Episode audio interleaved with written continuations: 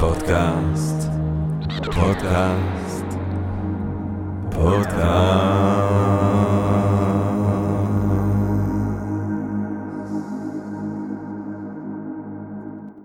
טוב, גבירותיי ורבותיי, ברוכות וברוכים הבאים לפודקאסט של Think and Drink Different, פודקאסט למי שאוהב לחשוב ולשתות.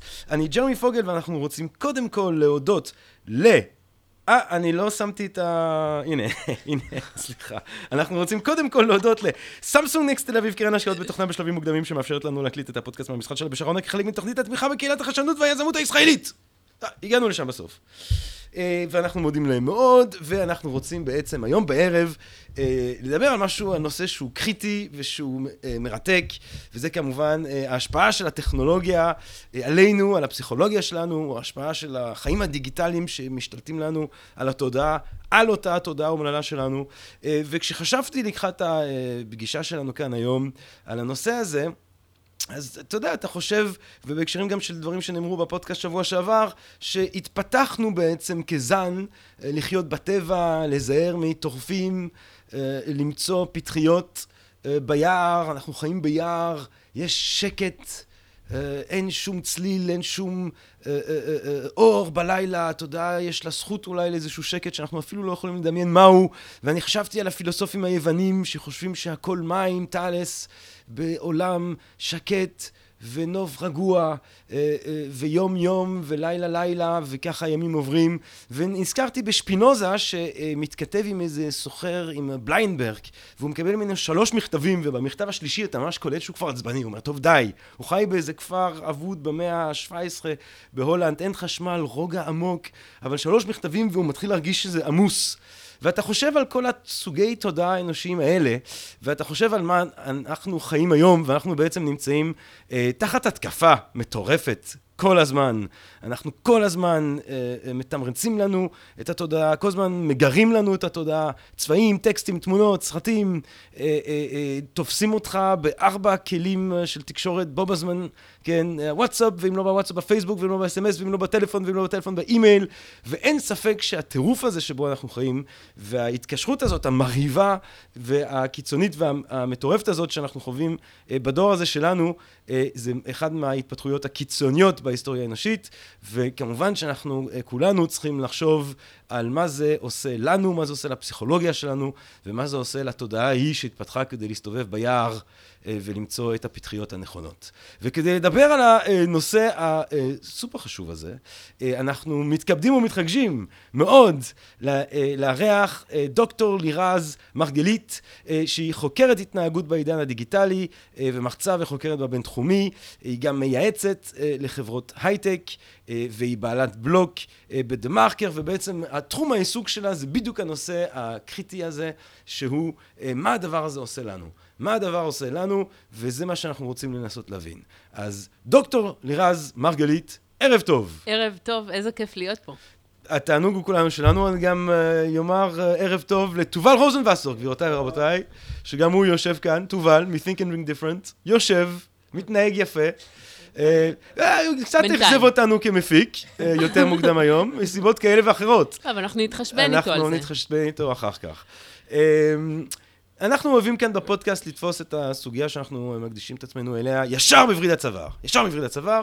אז אני אשאל אותך, מה, למה הסיפור הזה כל כך דרמטי עכשיו? זאת אומרת, תמיד היו גירויים לתודעה, תמיד היו דברים, מה קרה? למה העניין הדיגיטלי הזה מצדיק תחום מחקר ספציפי, מה כל כך קיצוני מעולה. בעצם. מעולה. אז אני חייבת להגיד, אני חייבת להתחיל בביקורת שיש עליי, כל כן, הזמן. כן. כל הזמן אומרים לי, אה, כשרואים אותי או בטלוויזיה, או שקוראים את, ה, את מה שאני כותבת, אומרים לי, דוקטור, תרגיעי. אמרו את זה על הדפוס בזמנו, אמרו את זה על הטלוויזיה בזמנו. אה, גם לא מתאים לך, את בחורה יחסית צעירה, לא מתאים לך לחשוב בצורה כל כך פרימיטיבית. בסופו של דבר יש התפתחות, תזרמי. עכשיו, אה, אחת שאמרתי את זה, אני חייבת להגיד שלטכנולוגיה יש אין ספור יתרונות שקצרה היריעה מלמנות אותם עכשיו, אבל אין לי שום טענה נגד הטכנולוגיה. מה שאני חוקרת זה למעשה את כל הכוחות הסמויים שבעצם מאחורי הטכנולוגיה מביאים אותנו אה, להסתכל בנייד יותר מ-150 פעם ביום, mm. בממוצע. מביאים אותנו לבוא ולחשוב שבעצם אם יש את הנוטיפיקציות, אני קיים, אני חשוב. אם אין את הנוטיפיקציות, אנחנו מתחילים לחשוב שמשהו לא בסדר איתנו. Mm. זה הגיע למצב אבסורד, שסטודנטית שלי סיפרה לי שהיא משאירה את הנוטיפיקציות על כל האפליקציות השונות, אתם מכירים את המספר הזה שיש מעל האפליקציה, כי בעצם היא אומרת שאם מישהו יב, יב, יב, אה, יביט בצורה חטופה במכשיר שלה, היא תיתפס כחשובה. כלומר, היום, לראשונה בהיסטוריה, יש לנו איזשהו ערך שמכמת את הערך העצמי שלנו, את מידת החשיבות שלנו, ו, ובצד השני יושבים מתכנתים. עכשיו, הם לא יושבים בחדרים אפלים וחשוכים ומתכנתים איך לגרום לנו להתמכר, אבל כן, זה מה שהם עושים. יש מושג שנקרא TOD, mm. Time on Device, שבעצם כל מה שהם עושים, כמו בקזינו, כמו במכונת הימורים, זה לייצר לנו התמכרות, לדאוג שנבלה כמה שיותר זמן באפליקציה. אז אם פעם הערך, השער היציג, המסחר, היה בכסף, ביורו, בדולרים, היום אנחנו מדברים על תגובות, על לייקים. היום האפליקציות נועדו לקחת כמה שיותר נתונים מאיתנו, ובעצם אה, הכלל הוא פשוט, אם אתה לא יודע מה האפליקציה עושה, מה המוצר עושה, אתה הוא המוצר. היום אנחנו המוצרים, וזה נוצר מצב שזה לא כמו סיגריות. כי סיגריות או סמים או אלכוהול יודעים שזה מזיק. Mm. כאן כביכול... לא, תלוי איזה סמים, אני מצטער, אבל כן. לא, נכון, ברור, ברור. לא, מסכימה. ברור, אבל, כן. אבל כאן כביכול אנחנו אפילו לא יודעים שזה מזיק, אין שום כן, רשות כן, שתיקח כן, את זה כן, על כן, עצמה, כן, כן. ואנחנו בסוג של לופ. זאת אומרת, בעצם, אם אני מבין אותך נכון, אמ, דוקטור מרגלית, אז את אומרת, אה, אתה יודע, הפילוסוף אה, הצרפתי המאה ה-18, רוסו, הבדיל בין אהבה עצמית, שזה, הוא אומר, זה דבר בריא, אהבת חיים, ואהבה אה, שלך את העולם וזה, לאהבה אנוכית. אהבה שלך את עצמך דרך המבט של מישהו אחר. כן, ובעצם... זה גם לקאן אמר. אגב, זה בדיוק מה mm. שלקאן אמר. לקאן אמר שבעצם איך הסובייקט שלך מתפתח? בעצם האופן שבו אנשים אחרים מסתכלים עליך, ככה אתה מביט על עצמך. Mm. האופן שבו אימא שלך רואה אותך, האופן שבו החברים שלך. אבל... אז מה בעצם, אז אם, אם כך, אז מה שונה אם, אם אנחנו בעצם צומחים, זאת אומרת, מה שרציתי לומר זה שאיפשהו הוא חשב שהאהבה האנוכית הזאת, באמת לחיות רק דרך המבט של אחרים, זה דבר שהוא, שהוא, שהוא, שהוא, שהוא, שהוא מקטין אותה, את, את האותנטיות של החיים שלנו, נכון. את החיוניות שלנו. לגמרי. הוא מגביל. ובפייסבוק וברשתות חברתיות הדבר הזה מאוד קיצוני. נכון, כי בעצם יש שם איזשהו מימד שהוא כולו מתנגע, מתנקז לתוך הממד הוויזואלי, mm. ואם אנחנו נסתכל אפילו על בני נוער צעירים, הם בדיוק בשלבים שבהם הזהות שלהם מתפתחת. Mm. עכשיו, איך הזהות מתפתחת? אני בעצם באינטראקציה עם החברים שלי, ואני מבינה מה מייחד אותי מאחרים, ובמה אני דומה לאחרים, mm. ובאינטראקציה הזאת אני מפתחת את הזהות שלי. עכשיו, היום, בסופו של דבר, זה מאוד ברור, רוב הצעירים נמצאים באינסטגרם. זה לא רק זה, אני מראיינת צעירים. מסתבר שהם קמים בבוקר ומתכנתים כמה סטורי הם יפרסמו, מאיפה הם יפרסמו. אם הם הולכים למסעדה מה, או למכון כושר, מה הם ילבשו כדי שיצא להם טוב בסטורי, אממ. ברמות האלה. ואז בסופו של דבר זה הופך להיות משחק של לייקים. כמה שאני מקבל יותר לייקים, אז אני אבל יותר... אבל איפה, אוקיי, אז איך זה, תראי, אנחנו נגיד גדלנו, אני מניח שגדלנו אולי בערך באותם שנים, אומנם, אה, אה, אה, וגם אנחנו, גם לנו בגילים האלה, בגילאים האלה, וגם היום אני מניח, אבל בטח בגילאים האלה, אנחנו הרבה חיינו דרך המבט של אחרים.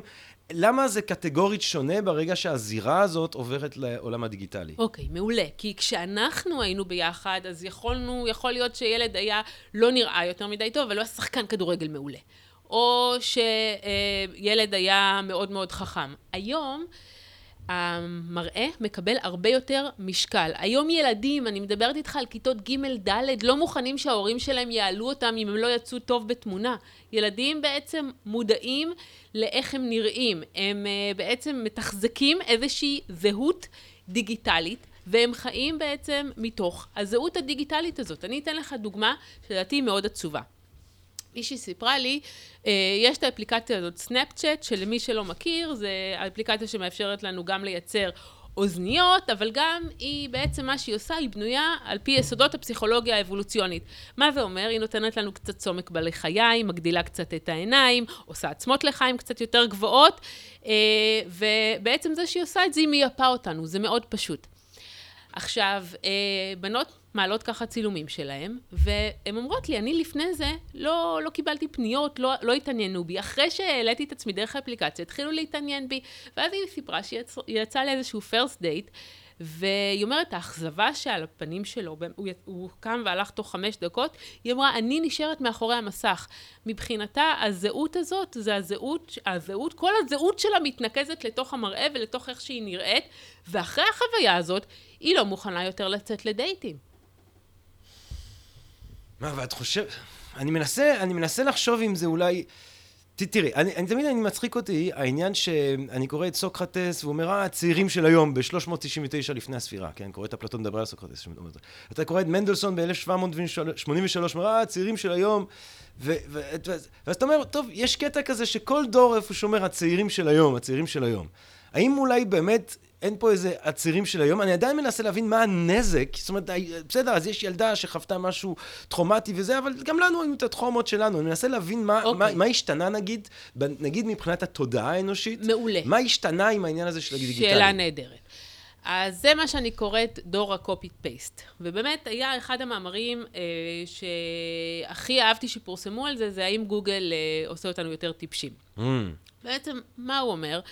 זה, זה היה נורא מעניין. זה היה, אני אפילו לא זוכרת מי כתב אותו, אבל הוא אמר, אני שם לב שבזמן האחרון אני כבר לא מסוגל להתעמק יותר מדי במאמרים, במחקרים. ו, ואני אתחיל לספר לך על מחקר שנעשה בלונדון. הסתכלו על סטודנטים שהגיעו לספרייה הלאומית של לונדון.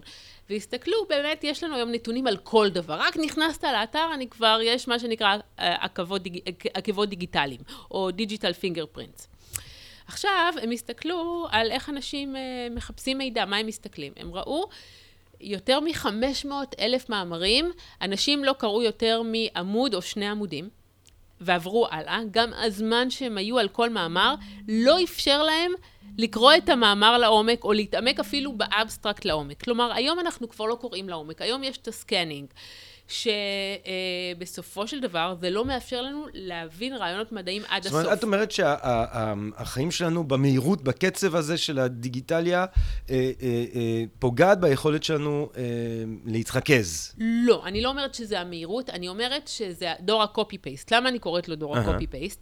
כי עצם זה שאתה יודע שבלחיצת כפתור כל המידע יהיה נגיש לך תוך שנייה, המוח שלנו לא מתאמץ. ואגב, הוכיחו את זה, זה לא איזושהי השערה. נתנו לסטודנטים... אומרת, הזיכרון יכול להיות האינטרנט. לא צריך יותר להפעיל את המוח. בדיוק, זאת הרחבת התודעה. כן. זו התודעה ה-expanded uh, mind. consciousness, כן. אה, או consciousness, נכון. כן. כי בעצם, אה, נכון, כל דבר, גם נייר ועיפרון, כשאני בעצם באינטראקציה עם הנייר ועיפרון, אני כבר מרחיבה את התודעה. כי יוצא לי דברים אחרים כשאני כבר אה, כותבת, משרבטת על הנייר. אבל כשהתודעה המורחבת היא האינטרנט, או כל העולמות האלה, אז בעצם זה מאפשר למוח שלי מראש להתרכז פחות. כמו שהיום אף אחד כבר לא זוכר יותר מספרי טלפון. היום עשו מחקר על אזור הזיכרון שלנו, על ההיפוקמפוס, בעקבות אפליקציות הניווט. וראו שהאזור הזה הוא פחות פעיל. הסתכלו על האזור של הטאץ', הראו שהמוח, בעצם מבחינת האזור הזה, הסנסורים שלו הם הרבה יותר גבוהים, כי אנחנו משתמשים הרבה יותר. כלומר, המוח שלנו הוא פלסטי, בעיקר בגילאים הצעירים. ולכן המוח שלנו משתנה, התודעה שלנו משתנה. אנחנו כבר פחות צריכים לאבד רעיונות אם הכל נמצא פה בשנייה. עכשיו, זה יותר מזה. אנחנו רואים שגם אצל צעירים, תחשוב על עצמך, 70% מהאינטראקציה שלנו היא דיגיטלית. היום אנשים לא מוכנים שיתקשרו אליהם לפני שישלחו להם הודעת וואטסאפ. אז מה זה גורם? זה גורם שבעצם כשאנחנו אה, נהיה באינטראקציה פנים אל פנים, ואתה צריך להסתכל עליי, לאבד את הבעות הפנים שלי, את אה, קשר העין איתי, אז ילדים שלא תורגלו את זה מספיק, לא יהיה להם את זה. ההורים מספרים לי, מורים מספרים לי שילדים כבר לא יודעים איך להיות באינטראקציה, לפרש כוונות פנים. ומה שבעייתי כאן, אז בעצם, אם אני מנסה, אה, אה, אם אני מנסה ממש לנסות אה, להבין מה כאן בעצם הבעיה שאת מזהה בדברים האלה, את אומרת, בסוף זה מוביל לחוסר אמפתיה? גם, חוסר אמפתיה, חוסר הקשבה, אה-הא. הלמידה, ההסתמכות שלנו על אלקסה. כשאתה אומר, כשילד נמצא באינטראקציה עם אלקסה או סירי ואומר להם, תנגני לי שיר, מבחינתו הוא לוקח את האינטראקציה והוא מטמיע אותה על כל אינטראקציה אחרת. הרי מה קורה במקומות האלה? זה כמו, תחשוב על Skinner box. תיבת סקינר הרי, אנחנו אה, התחלנו עם סקינר מבחינת הביאביוריזם, כן. ואז הוא נזנח לחלוטין, אבל בוא, חזרנו אז, אליו אז בגדול. אולי, אז אולי רק נגיד, אה, אולי תעזרי לנו להבין מה זה תיבת סקינר, מה זה סקינר אה, אה, למי שלא כמובן. יודע. כמובן. מה סקינר עשה? סקינר אמר את הדבר הבא, הוא אומר, תקשיבו, תחושות, מחשבות, רגשות, לא מעניין. לא מעניין, אני לא יכול לבדוק את זה, זה מאוד סובייקטיבי. אני, מה שאני לא רואה או יכול לבוא ולמדוד, אני שם בצד. אני רוצה לעשות מהפסיכולוגיה מדע. איך אני עושה מדע? בעזרת עיצוב התנהגות, חיזוקים ותגובות. אז הוא שם חולדה. ומה הוא עשה עם החולדה הזאת? הוא עשה דבר מדהים. הוא שם חולדה, והיא במקרה לחצה על דוושה, בהתחלה במקרה, ואז היא ראתה שהיא מקבלת מזון. Mm. ואז היא לחצה עוד פעם בטעות, ועוד פעם קיבלה מזון. ואחרי כמה לחיצות כאלה, נוצרה התניה חדשה. היא למדה שכל פעם שהיא לוחצת על דוושה, היא מקבלת מזון. אז מתי לדעתך היא לחצה? כל הזמן. לא, כשהייתה רבע. הרי אנחנו לא, אלא אם כן אנחנו אוכלים כל הזמן, כן, אבל, כן, כן. אבל היא לחצה כשהייתה רבע. כמובן. ואז הוא החליט לעשות עוד דבר, הוא החליט לעשות על זה מניפולציה. אז מדי פעם הוא נתן לה אוכל, mm. ומדי פעם לא. ואז באמת, אתה צודק, היא לחצה. לחצים הרבה יותר כשההתניה... כל הזמן. היא, uh, היא חלקית. נכון, היא, מה שנקרא יחס זמן משתנה. כן. עכשיו, בואו נראה מה קורה. אנחנו נכנסים, אתה נכנס לסמארטפון שלך, כן. אוקיי? כל דבר שאתה עושה, קיבלת תגובה. אתה כן. swipe. זאת אומרת, זה שלפעמים אני לא מקבל תגובה, מחזק את ההתניה. בדיוק. לא, רגע, אז עוד שנייה. כל, כל דבר שאתה עושה בסמארטפון, אתה מקבל תגובה. צלילים, קולות, כן, לא כן. משנה מה. עכשיו, מה זה תגובה? כש, מה זה תגמול? אה, תגמול בעצם אנחנו יכולים למדוד עם נוירוטרנסמיטור או מוליך עצבי שנקרא דופמין. כן, שהוא הנה. שהוא עולה. כן. מעולה. אז עכשיו, אני קיבלתי לייק. כן. עולה הדופמין. אה. עכשיו, אני לא יודע, זה בדיוק מה שאתה אומר, אני לא יודע מתי אני אקבל לייק, אז כן. אני כל הזמן במתח, אני כל הזמן בודק. החלפתי תמונת פרופיל, אני הרבה יותר רגיש, פייסבוק תדאג לקחת את התמונה הזאת ולהראות אותה לכל החברים שלי, כי היא יודעת שאני הרבה יותר רגיש, ואז אני כל הזמן אבדוק. מי נתן לי לייק, איפה נתנו לי לייק, אני, כמו שאתה אומר, אני לא יודע בדיוק מתי אני אקבל, רמות הדופמין עולות בצורה משמעותית, אנחנו ממש כמו עכברים. לחלוטין. זה העכברים שנותנים להם קוק, וזה ממש כאילו להשתעשע עם בעצם אה, מערכת הדופמין האנושית. לגמרי. זה מה שבעצם קורה. ואנחנו, והדבר הזה, אולי תדברי איתנו קצת באמת על מה דופמין אמור לעשות, או מה דופמין עושה מעולה. בתוך מסגרת של בן אדם בריא, ו- ומה קורה כשהדבר הזה מתחיל לצאת מאיזון. אז אני אגיד קודם כל, שיש לי בעיה עם האופן שבו דופמין משווק היום. אוקיי. כי עשו לו שיווק שדופמין זה הורמון שקשור בעונג שלנו, בסיפוק שלנו, גורם לנו הרגשה טובה. כביכול, למה יש לי בעיה עם זה? כי דופמין לא התפתח באבולוציה כדי לגרום לנו להיות מאושרים. אין דבר כזה. פרויד אמר שהכוונה שנהיה מאושרים זה לא, זה לא כוונת הבריאה. בני אדם לא נועדו להיות מאושרים, צריך קצת אולי להירגע עם החיפוש המטורף הזה אחר האושר. אבל זה בצד. עכשיו, מה באמת... להימנע מסבל מיותר. זה מה שאפשר נכון. להציע לבני אדם. בדיוק. כן. בדיוק. חשב פרויד לפחות. מה הוא ראה? הוא הסתכל, אה, אה, פרופסור שולץ, הוא בעצם חקר פרקינסון, הוא הסתכל על קופים, והוא ראה שכל פעם שהוא נותן להם צליל, משמיע להם צליל, ואז נותן להם מיץ תפוחים ממותק, בהתחלה הדופמין עלה כשהם, שמעו, כשהם אה, טעמו את המיץ. עכשיו, אחרי כמה פעמים שנוצרה התניה, מתי הדופמין עלה? כשהם שמעו את הצליל. כלומר, מה הדופמין אמור לעשות? למה הוא קם? למה הוא נוצד? כדי לנבא מה הולך לקרות. כדי לעשות לנו סוג של סדר mm. בכל הכאוס הזה בעולם. כשתינוק מגיע לעולם ושומע... להוביל אותנו לחיזוק בעצם, ללמד מעולה. אותנו איפה נמצא החיזוק. לנבא, נכון. כן. במין דפוסים כאלה של אם אז. כן. ואם תינוק, למשל, בהתחלה בחד שהוא קיבל אוכל, עכשיו הוא יפסיק לבכות כשהוא ישמע את הצעדים של אימא שלו עלה במדרגות. Mm. עכשיו, כי זה מה שהוא אמור לעשות. Mm. אז עכשיו, מה שקורה, קח קרנדי קראש. Mm. אנשים מנסים למצוא שם דפוסים הגיוניים, mm. אבל לא מצליחים, כי יש שם איזשהו אלגוריתם שבעצם עושה רנדומליות מעושה, ואז אנחנו לא מצליחים לנבא מתי יבוא החיזוק, אבל אנחנו מתמכרים אליו. אנחנו לא יכולים להפסיק, כי לפעמים מגיע חיזוק שאנחנו אפילו לא חושבים, ואז אנחנו צריכים יותר ויותר זמן מסך. עכשיו, אני מנסה להבין איך הדבר הזה בעצם קשור לעניין הזה שאמרת על אה, דופמין. זאת אומרת, אם דופמין זה מה שקושר, מה שמפעיל אותנו לקחת חיזוק בהתניות שאנחנו אה, אה, אה, אה, לומדים אותן, או החיים מלמדת אותנו, אותנו בעצם במצב טבעי, אה, את אומרת, ברגע שאתה לא יכול להבנות את ההתניות האלה, משתחרר יותר דופמין? נכון. למה בעצם? ש... כי מה שקורה, זהו, זאת שאלה מעולה. אמ, כשאתה לא יכול להתנות, אה, לגלות את ההתניות האלה, בעצם אם אתה ניבאת משהו, כן. שעומד להגיע אוכל כן. ולא הגיע, אז באמת רמות הדופמין יורדות. הבנתי. אבל, mm. אם אתה רואה שבמהלך ההתנסויות האלה יש לך אה, הפתעות חיוביות, כלומר, אתה לא ציפית והגיע. כן. רמות הירי הדופמינרגי עולות פי שלושה או ארבעה כשיש לך חיזוק חיובי. הבנתי. אנחנו משוועים לחיזוקים החיוביים האלה, ואז מה שקורה, אתה לא יודע מתי הנייד שלך יצלצל. כל פעם שתהיה התראה ממנו, יעלו רמות הדופמין. אבל בגלל שאתה לא יודע, אתה כל הזמן במתח, אתה כל הזמן בעוררות, אתה רק מחכה. זאת אומרת, מצאנו דרך ממש לעורר באופן קיצוני את uh, מערכת הדופמין שלנו. מעולה. ו- ו- ולמה וה... זה בעייתי בעצם? אם זה עושה לנו טוב, הנה עוד קצת דופמין ועוד קצת דופמין וזה, למה, מה, למה לא? אוקיי, ש- מה ש- הבעיה עם זה? שנהיה מפוצצים בדופמין כל הזמן. מה הבעיה? כי... בעצם. אני אגיד לך מה הבעיה. כי ההתמכרות היא, מסתבר שאנשים, אם הם כבר הגיעו לשלב שבו הם מתמכרים, והם לא שומעים את הנייד מצלצל, הם מתחילים להסתכל. הם משוועים לדופמין, הם מתחילים לדמיין צלילים, הם מתחילים לדמיין רטט. זאת אומרת, אני נהיה באמת תלוי. אתה כל תלות... בדבר הזה. כן, אתה תלוי לחלוטין. התודעה שלי לא מוצאת איזון או סיפוק או אה, רוגע. אה, אם הוא לא מגיע דרך הטכנולוגיה הזאת. בדיוק. אנחנו משועבדים. עכשיו, אנחנו משועבדים לטכנולוגיה. לגמרי. זהו. ומה הבעיה עם זה? אני אגיד לך מה הבעיה עם זה. שיש דברים יפים מחוץ למסך. גם. יש יקום שלם, אפשר ללכת לחוף הים, גבירותיי ורבותיי.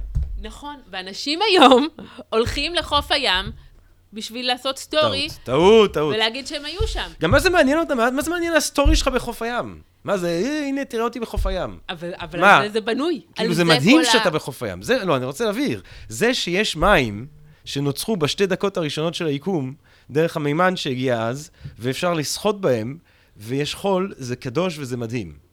אבל כן, לא, זה לא, זאת אומרת, זה טוב, אם מישהו רוצה לעשות מזה סטורי, זה גם סבבה. כן, אבל אתה יודע, אבל לא אנשים, לא נהנים יותר לא מהמים, שם, הם נהנים לא מהסטורי. כאן, הם, לא, כן, הם, כן. הם לא באמת נהנים. כן, כן. עכשיו, יותר מזה אני אגיד לך, שאנשים היום, וזה הכי קשה לי, לא יודעים להשתעמם. Mm. ולמה זה בעיה? תסתכל רגע, אתה יודע מה הסטודנט שלי אמר לי? הוא אמר mm. לי, את יודעת, פעם, הדבר שהכי אהבתי זה לקחת טרמפים. היו לי את השיחות הכי מרתקות שהיו לי אי פעם. בטרמפים כן, שלקחתי. כן. היום אני לוקח טרמפים ונחש מה קורה. כולם מיד בנייד. כלומר, אתה לא מפתח אינטראקציה בטרמפ. גם הנהג? בוא'נה, אם לא, אני לוקח אותך לא. והנהג בנייד, אני תודה להתראות. לא, ברור שלא, הנהג כן. רוצה את השיחה. הבנתי. אבל אתה כטרמפיסט יושב מאחורה. תקשיבי, זה קצת לא מנומס. נכון. אתה, לא, אתה נכנס לאוטו כטרמפיסט ואתה יושב על הפלאפון? כן. במקום לשמוע את הפודקאסט של Think and Drink, אומר פה תובל הרווק. לא, אנשים לא ברורים, אני לא מצליחה להבין את זה. מחפש? בטינדר? נגיד, בוא נחשוב על ההתנהלות של תובל בטינדר. תובל, תוך כדי השיחה הוא אוקיי. תובל בטינדר. אתה לא יודע כשאתה נכנס לטינדר אם אתה מקבל בעצם מאץ'. נכון. מאץ' זה בעצם התניה, מאץ' זה האוכל שסקינור לא תמיד נותן. מעולה. נכון? נכון, אתה לא יודע מתי. לא, לא אני יודע את זה בגלל שיש לי תקופה בלי מאצ'ים אה, בטינדר. כבר שלוש חודשים. אין מאץ' אחד. זאת התקופה שאתה בלי מאצ'ים. הדופמין שלי בטינדר בסכנה מאוד גדולה. לא, לא להפך, זה מה שגורם לך לחזור ולקוות. תראי, אני חושב בצורה פרוידיאנית. חיזוק חיובי. לא, לא, לא. תראה, בוא לא נגזים. אני רוצה להגיד כזה דבר. אני חושב שבאמת, ספציפית העניין עם הטינדר, או הבמבל, או הגריינדר, או מה שזה לא יהיה, כל ההיכרויות וקטעים, זה, זה באמת, אני חושב על זה באמת כאל יכולת מפליאה לקחת את הרעיון הפרוידיאני, כמו נגיד שאומרים על האחיין של פרויד, ג'ורג' ברנז, שהמציא... ברנז. הוא המציא את PR, יחסי ציבור. בדיוק. נכון, הוא הבין שאתה פונה לבני אדם לא כאישויות רציונליות, אלא כאישויות שנחשפות לא למין. נכון. אתה רוצה למכור להם אוטו, אל תגיד להם זה אוטו יפה וחזק ומחזיק מעמד, תמכור להם תמכור להם סטטוס, סמל סקס. סטטוס, עוצמה, כן. סקס, לא משנה מה המניע. ואז נכון. אתה בעצם חושב שברגע ש... אה, אבל לכן אתה קונה ספרייט, כי אתה רואה חתיך וכל מיני חתיכות, ו... וכולם חתיכים וחתיכות, ואני שותה ספרייט בשתיים בלילה עם סיגריה, אין חתיכים, אין חתיכות, עדיין אני קונה ספרייט. עכשיו, העניין הוא שהפלאפון הזה, זאת אומרת, ברגע שיש שם טינדר ו... או הבטחה של מין, אז בעצם הפלאפון, כל ה drive המיני, כן, כל ה... הדחף המיני הזה מופנה כלפי זה שאני אכנס לפלאפון. נכון. זה דבר נורא. זה כל דבר האבולוציה נורא. האנושית מובילה אותי לעשות דנג, דנג, דנג, דנג, דנג, כל החברים בשכונה. תראה, כאילו, מה שאמרת, ב... זה בדיוק מה המשפט פתיחה שאמרת, זה המשפט שלי. כלומר, האבולוציה לא התפתחה בקצב של הטכנולוגיה. נכון. המוח שלנו לא התפתח. עכשיו, אני תמיד טוענת... ולכן אנחנו הופכים להיות אידיוטים. בגדול. מאוד אידיוטים. Mm, מאוד.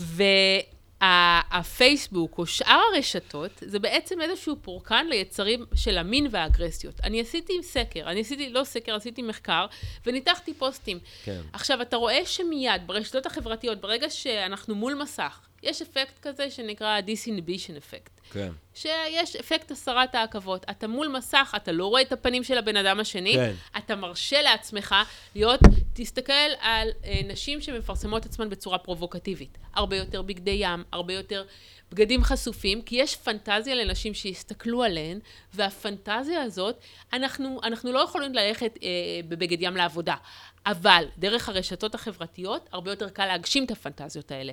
אה, גם אם אנחנו מדברים על אגרסיות, תסתכל איך אנשים מדברים אחד לשני בטוויטר, כלומר, או בטוקבקים, אנחנו מיד קופצים למקומות האלה. זאת אומרת, הדחפים, הדחפים האלה שנאלצנו לדכא פעם אולי, במודל הפרודיאני הקלאסי, לגמרי. אנחנו יכולים, לב- הם יכולים לבוא לידי ביטוי באינטרנט, אבל אז השאלה היא, האם זה אולי דבר טוב שאנשים יוציאו את האגרסיות שלהם מהאינטרנט? האם זה, האם, השאלה אם זה מגביר או מקטין את האגרסיות שלהם בעולם האמיתי. אז אני אגיד לך ככה, תראה. אמ, יש שתי תיאוריות, כן. אבל יש עכשיו פתרון. כלומר, הת... ה- שתי התיאוריות שאתה מציג פה, אה, לקחו אותם בעיקר למשחקים כמו פורטנייט, או כל מיני משחקים ש... כן. של מלחמה, או כן, שיש בהם כן, המון כן, אלימות. כן, ואז אמרו, אוקיי, תראו, עצם זה שאני אוציא את כל האגרסיות במשחק, אז אני, פחות יהיה לי את הצורך, כמו מנגנון הגנה, זה כמו סוג של אה, סובלימציה. יהיה לי פחות צורך להוציא אותם בדיוק. בעולם האמיתי. אני אתה- אשחק GTA ב- במשחק, אני רץ, אני מרביץ, אני מוציא מכוניות, אני עושה כל מיני דברים, ואז בחוץ אני מתנהג יפה. נכון. והתיאוריה את. השנייה אומרת בדיוק ההפך. היא נכון. אומרת להפך, זה עושה כמו הטרמה, סוג של priming. עצם זה שאתה נחשף לכל האלימות האלה, זו יהיה הדרך שלך לפתור בעיות, בתהליך של חיקוי. ואנחנו רואים חד משמעית שהתיאוריה השנייה היא התיאוריה שהביאה ליותר תוקף, ליותר... אה. רק שנייה, באמת? אנחנו, כן? כן, כן, כן. חד כי משמעית. אני חושב על ההיסטוריה האנושית, אני אומר לעצמי, אה, לא יודע מה, ילד פחות ויקינגי, אלימות, כביכול. אה, נכון. ילד ויקינגי היה הולך לדעתי הרבה יותר מהר מכות מאיזה נוואג' אמריקאי שיושב כל היום ומשחק אה, פורטנייט. מדי פעם הם תופסים אולי, אני לא אומר שלא מדי פעם הם תופסים איזה AK-47 ויוצאים לטיול, אני לא אומר שלא, אבל אני, נראה לי שפחות מאיזה ילד ויקינגי שלא היה לו גישה... לכל. לגמרי. א', אתה צודק במיליון אחוז, אבל, יש על- פה אבל. ילד ניאנדרטלרי, או למרות שאי אפשר, מדברים רע נגד הניאנדרטלרים. נכון, אמרו לא. שהאלימות שהייתה פעם, אין מה להשוות אותה, נגיד. והיום אנחנו בתקופה הכי פחות אלימה בהיסטוריה, אם אתה נגיד, מסתכל על אולי, זה אני במונחים תוהה, כאלה. אני לא יודע. וזה נכון, לא, זה, זה, זה בוודאות. זה בוודאות. אז אבל- למה התיאוריה השנייה היא שאומרת שדווקא האלימות באינטרנט מגבירה את האלימות בחוץ? למה היא כי אני לא מדברת, תוצאות? אוקיי, אני לא מדברת על אלימות שאני עכשיו אה, רבתי איתך ואני ארים עליך כיסא. זאת לא הכוונה. הכוונה היא אלימות או קוצר רוח מבחינת הרצונות שלי. כלומר, הכפפת הרצונות שלי על מה שאתה עושה. וזה באמת מה שאנחנו רואים. אם תסתכל שהאלימות הכללית, אגב, אנחנו רואים ירידה בעשר שנים האחרונות, ואני טוענת שהירידה היא לא סתם. הירידה היא כי אנחנו יותר כל אחד בבית שלו, מול המחשב שלו, או אפילו בפורטנייט נלחמים ביחד, אבל ברגע שאנחנו פחות יוצאים כחבורה לרחוב, יש לנו פחות הזדמנויות לקטטות רחוב, לוונדליזם. לכן האלימות מהסוגים האלה, אנחנו רואים אותה פחות ופחות. אלימות של בני נוער, של ילדים. אבל מצד שני, אנחנו רואים הרבה יותר, וזה בדוק, מקרים של אונס. ולא חייב להיות האונס כמו ש... בואו נעזוב את המקרה בקפריסין, שהתברר שבאמת לא היה שם אונס, כן. אלא עלילה. אבל רואים יותר ילדים בגילאים ממש נכון. קטנים, ילדים בני 11, מצלמים ועושים, אבל זה ש... תראי, השאלה אם זה מצולם. פשוט, אה, אה, יותר דיווחים שפעם לא... אולי, כן, תובל מציע שאולי... תובל מציע שאולי יש יותר דיווחים ומודעות, וגם אולי יש אולי, באמת, לצערנו, אבל יותר תיעוד. כי ילדים א', מצלמים. אין יכול להיות ספק שילדים בני יותר 11 היו עושים. דברים נוראים גם פעם, נכון. ולא צילמו. אז אין ספק שיש יותר תיעוד, אבל גם החשיפה לפורנו, ממחקר כן. שיצא שנה שעברה, כן. לא, סליחה, ב-2017, בגיל, אה, אצל בנים יותר מאצל בנות, אה, כיתות ב', ג', כבר נחשפים לפורנו בצורה אקטיבית. כלומר, לא במקרה כי הייתי בקבוצה, אני מחפשים... הולך, מחפש פורנו, פורנו. ואני רואה דברים קשוחים. בדיוק, לא ומבחינתי בדיוק, זה לא אירוטיקה המודל, קלה, כן. זה המודל שאני מקבל של איך צריך להתנהג. וזה קצת מחבר אותי גם למה שאמרנו קודם על אלקסה. אני אומר משהו, וב, ובאונליין אני תמיד מקבל חיזוק מיידי. אני יכול אה, להזיז את הסרט קדימה ואחורה. אני יכול עכשיו לשחק ועכשיו לא. עכשיו אני יוצא לכיתה, ואני לא יכול להזיז את המורה קדימה ואחורה. ובפורנו אני רואה שאני אומר משהו, והיא עושה. עכשיו, זה המודלים שהילדים גדלים עליהם, ולכן יכול להיות שאת, שיש דרגות לרמת האלימות, אבל מבחינה של להכפיף את הרצונות שלך כאן ועכשיו על האחר, זה משהו שהולך וגדל. וגם האכזבה אולי, או הציפייה... התסכול. הציפייה הלא נכונה מהמציאות. נכון, נכון. כי אנחנו מצפים שבסופו של דבר, מה קורה? הרבה פעמים באמצעות המשחקים, זה נותן לי עולם שלם של להגשים פנטזיות. עכשיו, תחשוב שאני ילד דחוי. אני דחוי בכיתה, אבל פתאום במשחק אני הופך להיות מלך העולם.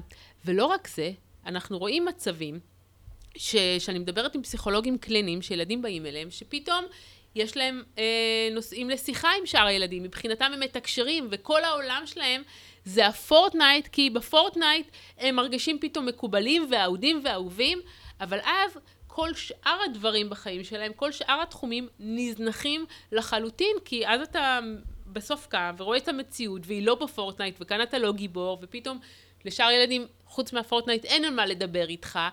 ואז הם נכנסים לאיזשהו אה, משבר מאוד מאוד קשה, שלהורים גם אין דרך להתמודד איתו. Mm. אתה מפתח עולם מקביל, ובעולם הזה אתה צובר נקודות ואתה צובר באמת, שלבים. באמת, אני חושב ו... שבאמת העניין של עולם מקביל, אמ, אנחנו מתקרבים גם עכשיו למהפכת ה-VR, עוד מעט של virtual reality. לגמרי. שבו אתה שם מסכה וזה, ואתה יכול להיות ברומא העתיקה, או ביוון של אה, ימי הביניים. אה, או של המאה החמישית לפני הספירה. אה, אנחנו נגדל ילדים עם מסכות שבו הם יוחצו, יוכלו להיות איפה שהם רק רוצים, וגם איפשהו הפנסיה של אנשים כמוני ושל אה, תובל, זה יהיה עם מסכה על הראש, ולכי תדעי מה, איפה אנחנו נמצאים שם. נכון. בבית אבות. אז זה בדיוק, זאת התיאוריה של יובל נוח הררי. מה שהוא כן. אומר, שלאט לאט הרבה מקצועות שאנחנו רואים היום, ניקח את המכונית האוטונומית. Mm-hmm. אנחנו כבר לא נצטרך נהגים. אה, ניקח כל מיני AI או בוטים שנותנים שירות. אנחנו כבר לא נצטרך אנשים שנותנים שירות. Mm. מה עושים, מה יעשו כל האנשים האלה שעוד כמה שנים יאבדו את העבודה המקצועות, שלהם? המקצועות, כן. ואז הטענה שלו שזה או ילכו לסמים, או שילכו אה, בעצם כדי לתת משמעות לחיים שלהם למשחקים וירטואליים, ל-AI, בעצם זה, אה, באופן הזה הם יעבירו את כל זמנם. והאמת שזה הולך להיות הרבה יותר מזה. כי בסופו של דבר, אם נחשוב על זה, אם אתה מסתכל על AI, היום הם עדיין לא כל כך מתוחכמים, כן. אבל תחשוב שכל דבר שאתה עושה מתועד ונשמר. כן. אז נגיד יצאת עם כמה בנות לדייט. כן. והוא ראה שבעצם הפאטרן, הדפוס, כן. בעצם ש, שגורם לך להתאהב, הוא תמיד אותו דפוס. הוא ידע להגיד לך, אה, כמו באוכל, שפעם הבאה זה לא עושה לך טוב.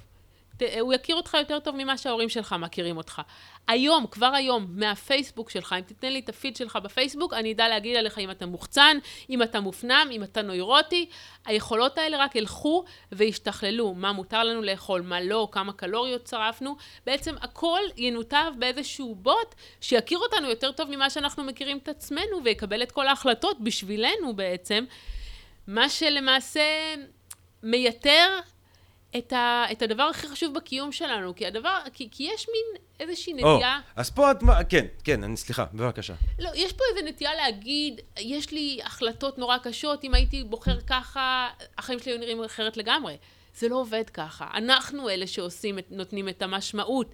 ואם בסופו של דבר זה יילקח מאיתנו, אז אני תוהה מה יישאר. זאת אומרת, פה את כבר אומרת, יש משהו, יש משמעות מסוימת לקיום האנושי, יש, אה, זה, זה קשור באוטונומיה שלנו אולי, את, אני שומע מבין הדברים, זה קשור ליכולת שלנו להוביל את עצמנו. וגם לטעות. וגם לעשות החלטות לא נכונות וללמוד מזה. תראי, אני אגיד לך משהו, יש בסופו של דבר...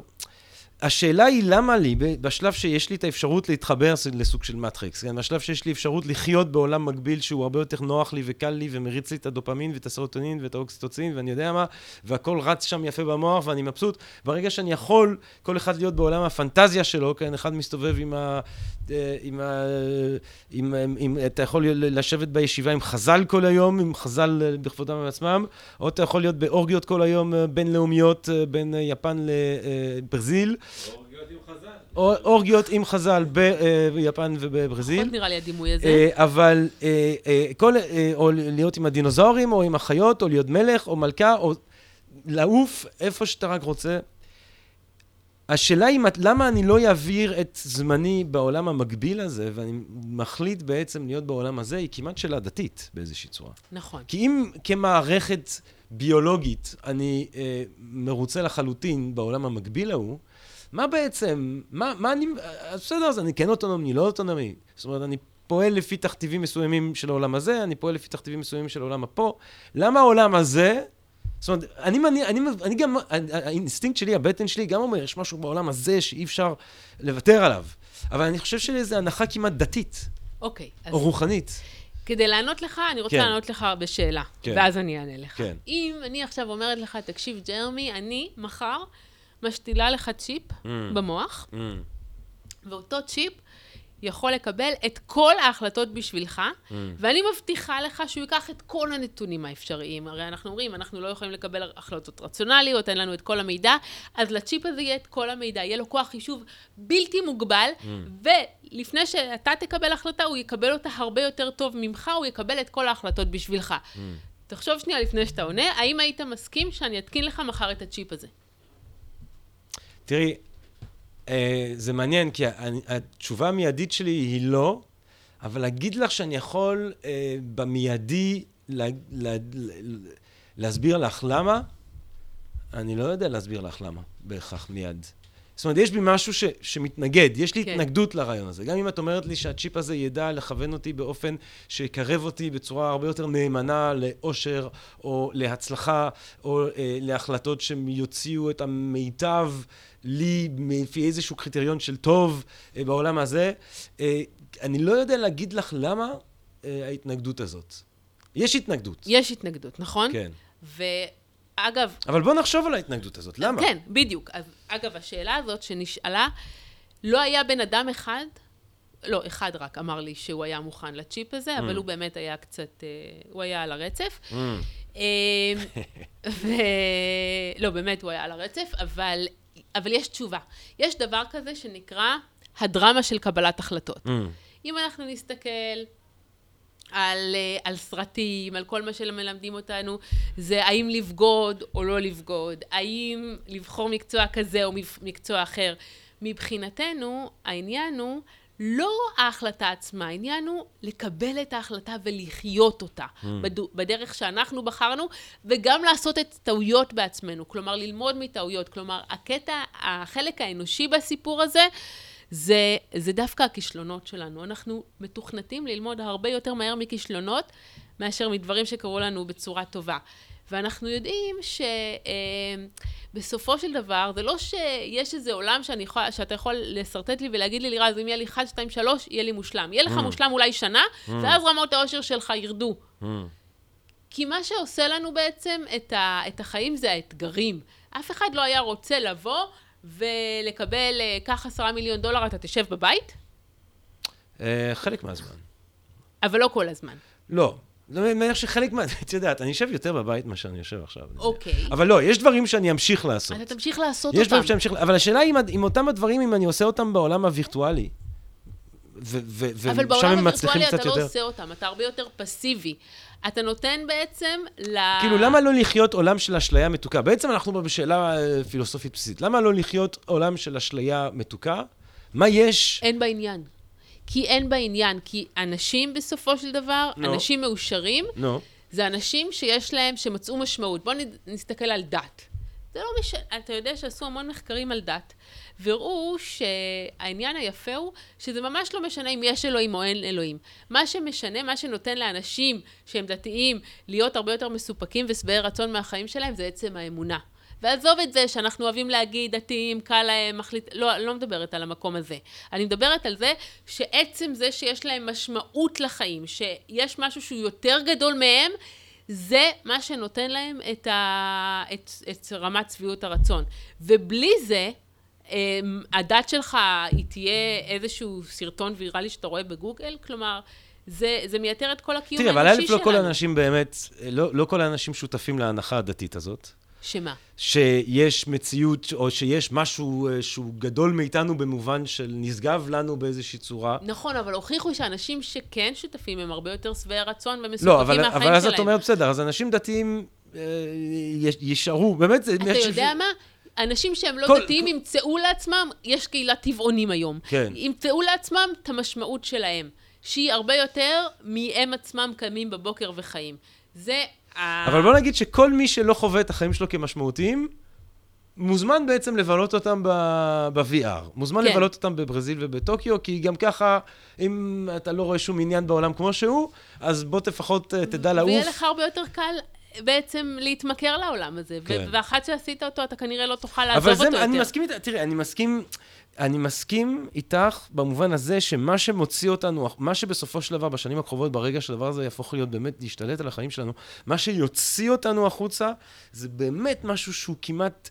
אה, דתי הייתי אומר, אבל אפילו כמעט מיסטי, איזושהי הנחת יסוד לגבי אותנטיות מסוימת שיש למציאות שלנו, שאי אפשר בעצם להקטין אותה לכדי אה, דימוי לכדי איזשהו משחק מציאות וירטואלית. אבל להגיד לך שברגע שאני או את, אה, ברגע שאני אשים את המסכה הזאת, או המסכה הכל גופית הזאת, ואני אחווה את עצמי, ממש, בעולם המקביל שיציעו לנו, להגיד לך שאז ההנחה הדתית ומיסטית תהיה תקפה ומשכנעת כמו שהיא עכשיו? אז כבר שום דבר לא יהיה תקף. כן. אז כבר שום דבר לא יהיה תקף. עשו ניסוי, ומאוד פשוט. נתנו לאנשים ללחוץ על דוושה, כן. ובתגובה אה, גירו את האזור של, שנקרא nucleus accumbens, זה אזור המטרה לאותו דופמין שדיברנו כן. עליו, שגורם כן. לנו עונג. אנשים לא הפסיקו ללחוץ על הדוושה.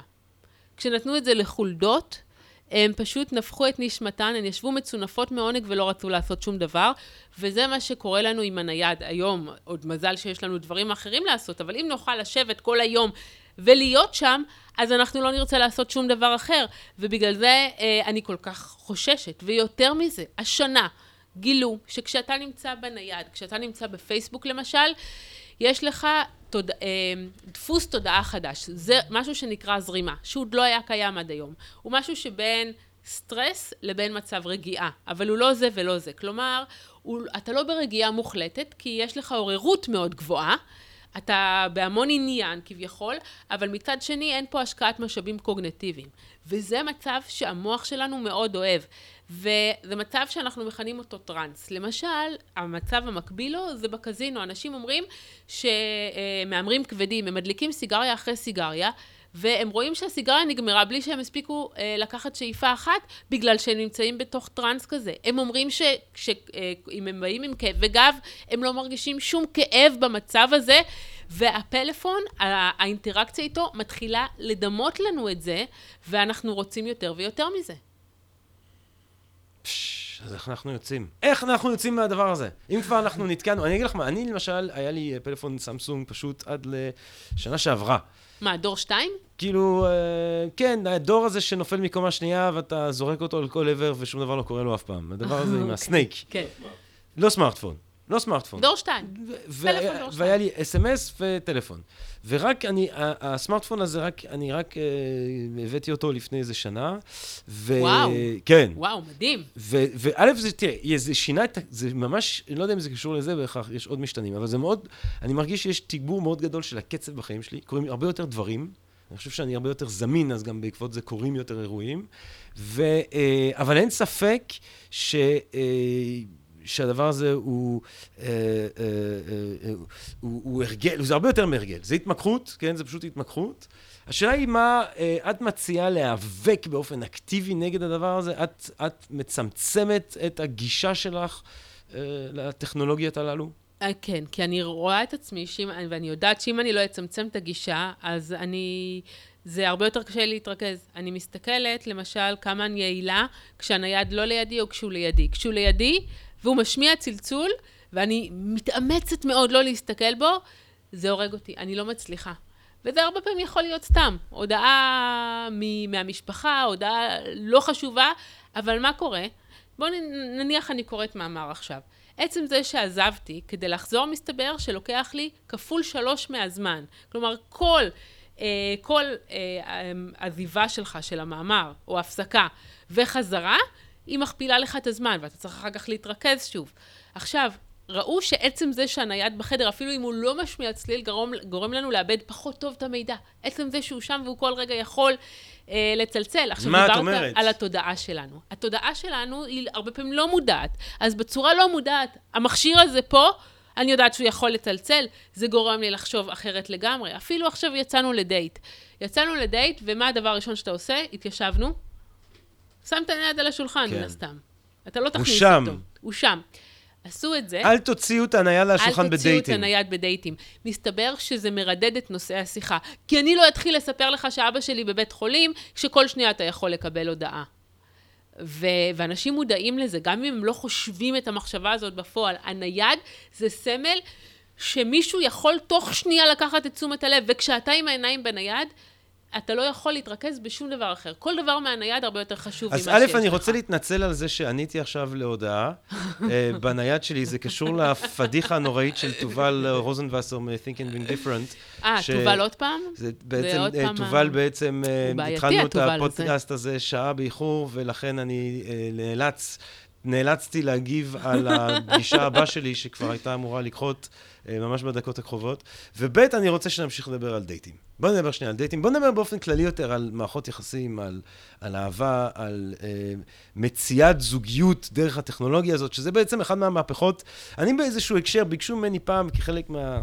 לא משנה, אבל אני פעם יצא לי לקרוא מאמרים על, אה, יש את הדאגה הזאת, כן? היהודי, היהודים עוברים שואה בחו"ל, התבוללות זה שואה, זה שואה, כן?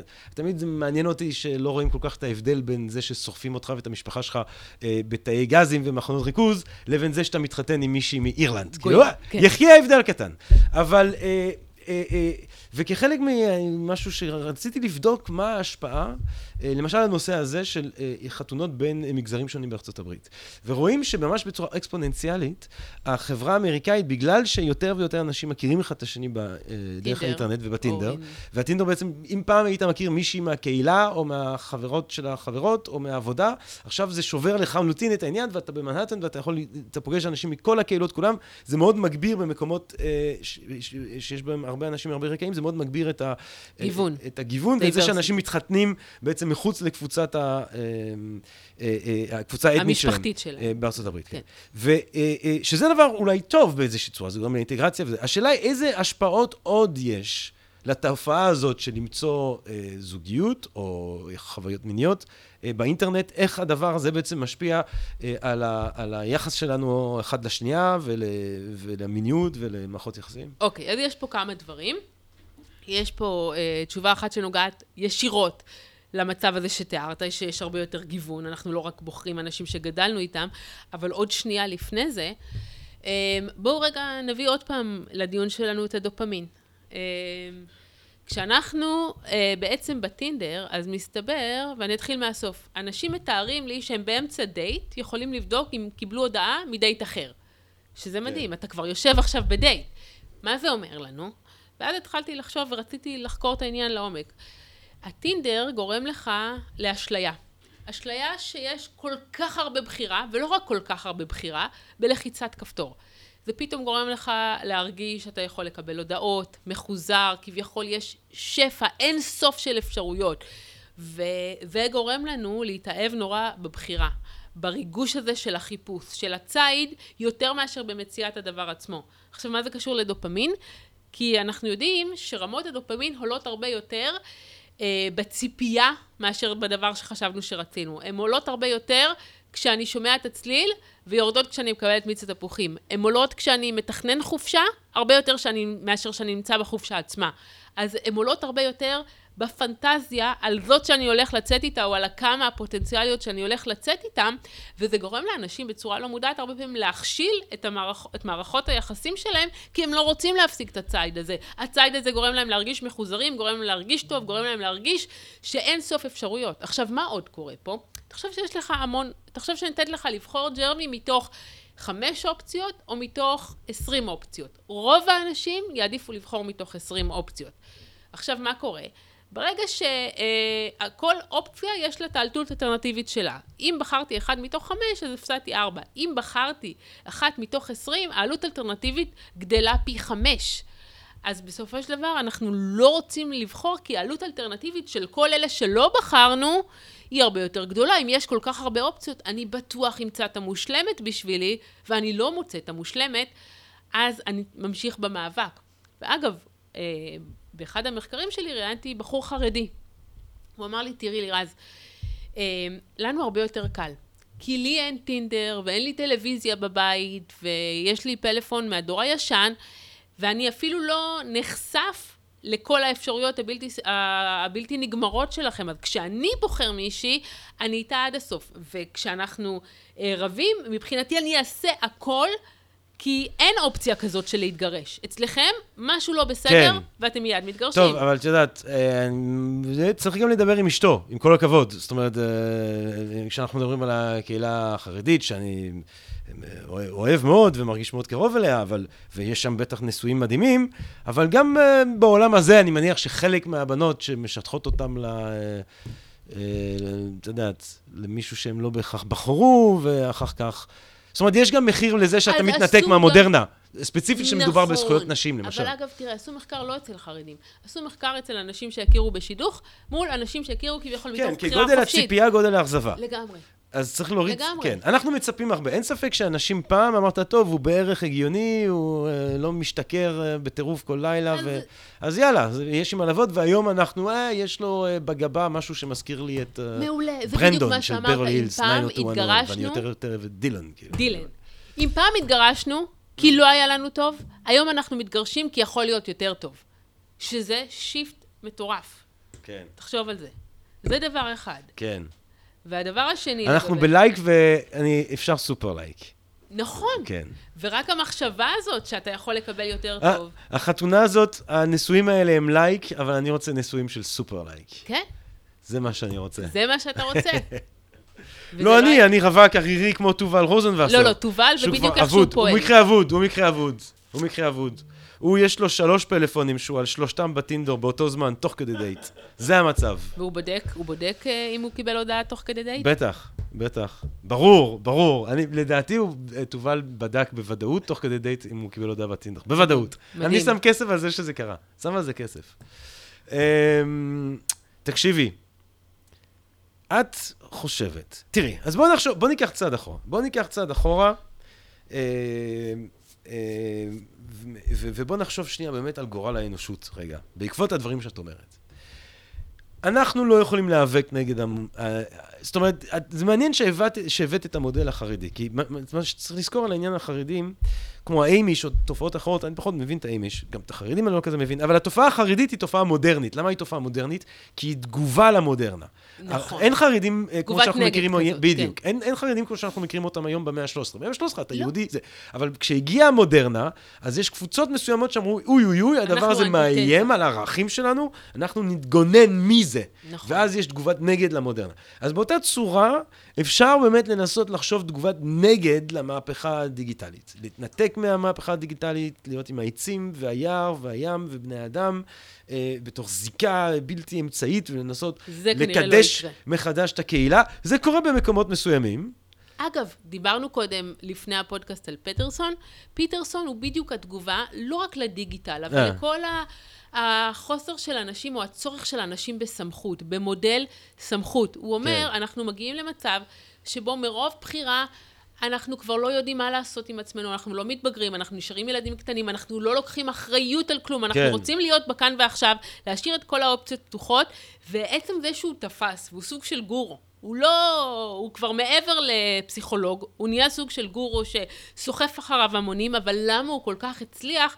ויצא לי המון פעמים לחשוב למה הוא כל כך הצליח. הוא הצליח בגלל הצורך של אנשים בדמות סמכותית, בדמות אב שתבוא ותגיד להם מה מותר ומה אסור ותציב גבולות, כי אנחנו חיים בסוג של עולם ללא גבולות. אז, אוקיי, אז את אומרת... תראי, אבל להתנתק בזה לחלוטין זה אפשרי, אבל זה קיצוני. יחסית, זה רובנו לא... וזה לא יקרה. רוב... וזה לא, לא יקרה, יקרה ברמה החברתית. ממש לא. אז השאלה באמת הגדולה היא, אה, האם התהליך הזה, שיותר ויותר מהזמן התודעתי שלנו, יהיה במרחב הזה, כי זה כבר לא אמצעי באמת האינטרנט, זה מרחב. זה מרחב. אז במרחב הזה שהוא המרחב האינטרנטי, וזה המצב, זה המציאות. זה יותר המציאות, ויותר. נכון. השאלה היא, אה, איך, איך אפשר, ל... בתוך המציאות הזאת, איך אפשר לעשות את המיטב כדי לרומם את התודעה ולחיות חיים שהם בריאים מצורה נפשית. אז, אז אני אגיד לך מה אני עושה. כן. Uh, אני בבית מכריזה על אזורים נטולי סמארטפון קודם כל. למשל, ארוחה משפחתית, אין דבר כזה לבוא עם הנייד.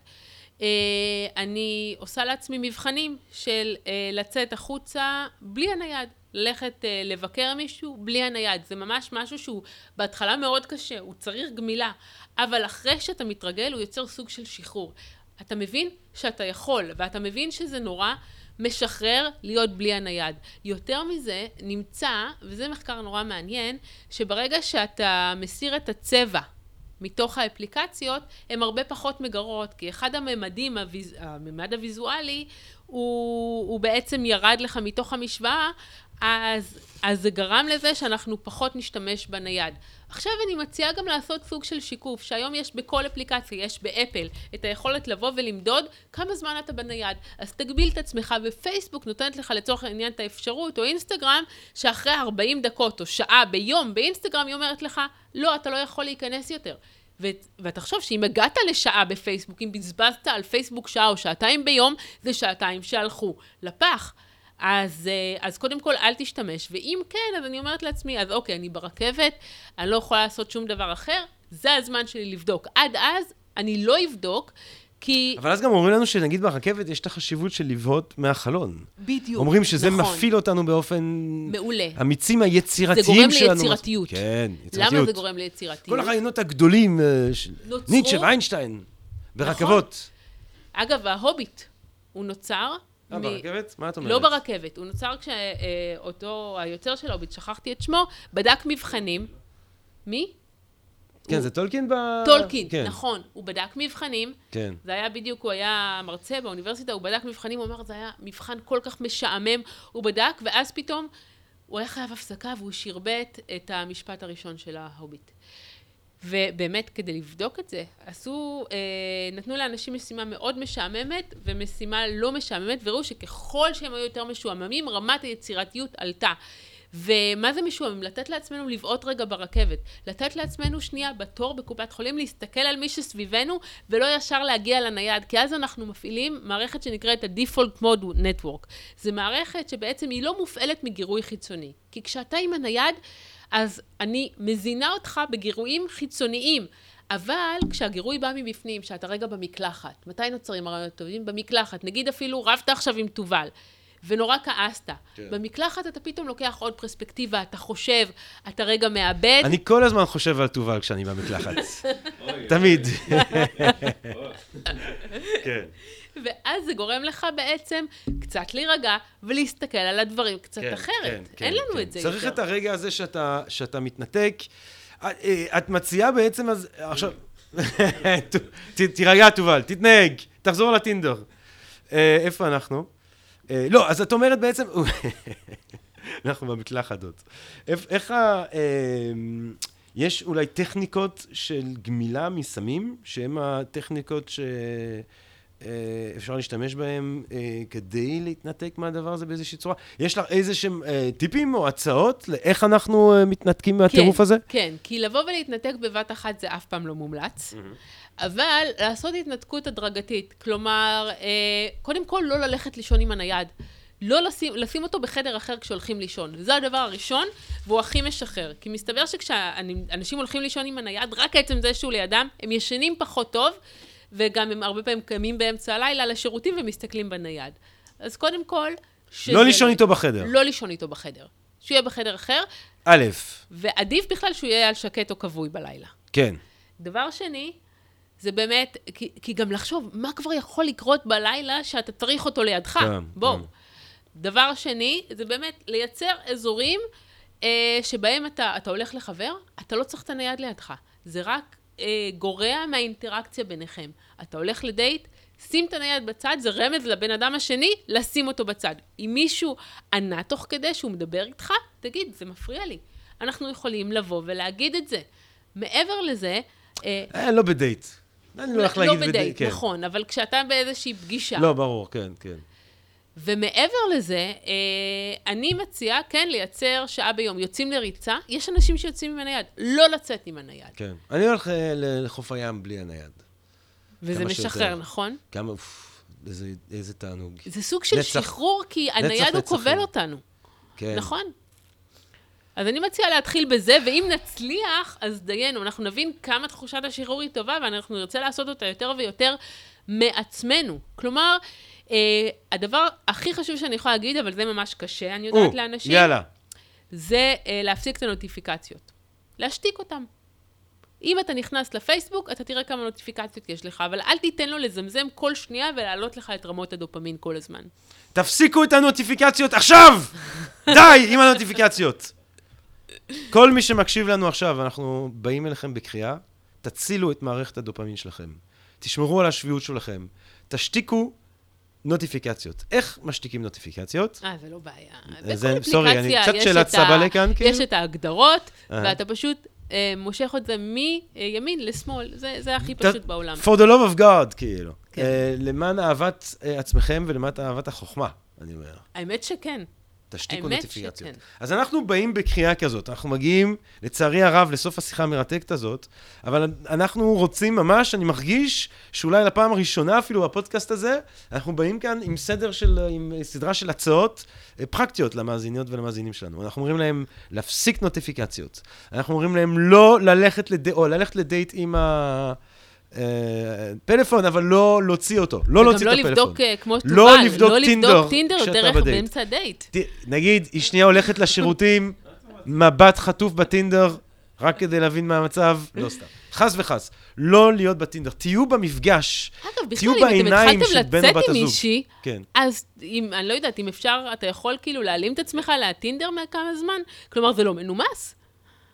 להיות בטינדר תוך כדי שאתה בדייטים עם מישהי. זה כן. לא מנומס. זה קטע, לא, אם אתה, יש באמת זו שאלה, כמה- מתי אתה צריך להסיר את עצמך מהטינדר?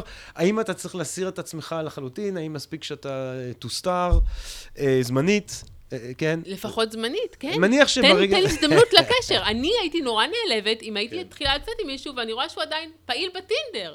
תובל ומעליב. תובל, תובל. אה, טוב, אבל אתה יודע, לא נלמד ממנו זוגיות, כאילו.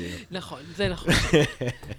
אה, להוציא, אוקיי, רק, להפסיק את הנוטיפיקציות. אה, לא להוציא את הזה בדייטים, ואמרנו, את אה, זה לא נשמע טוב.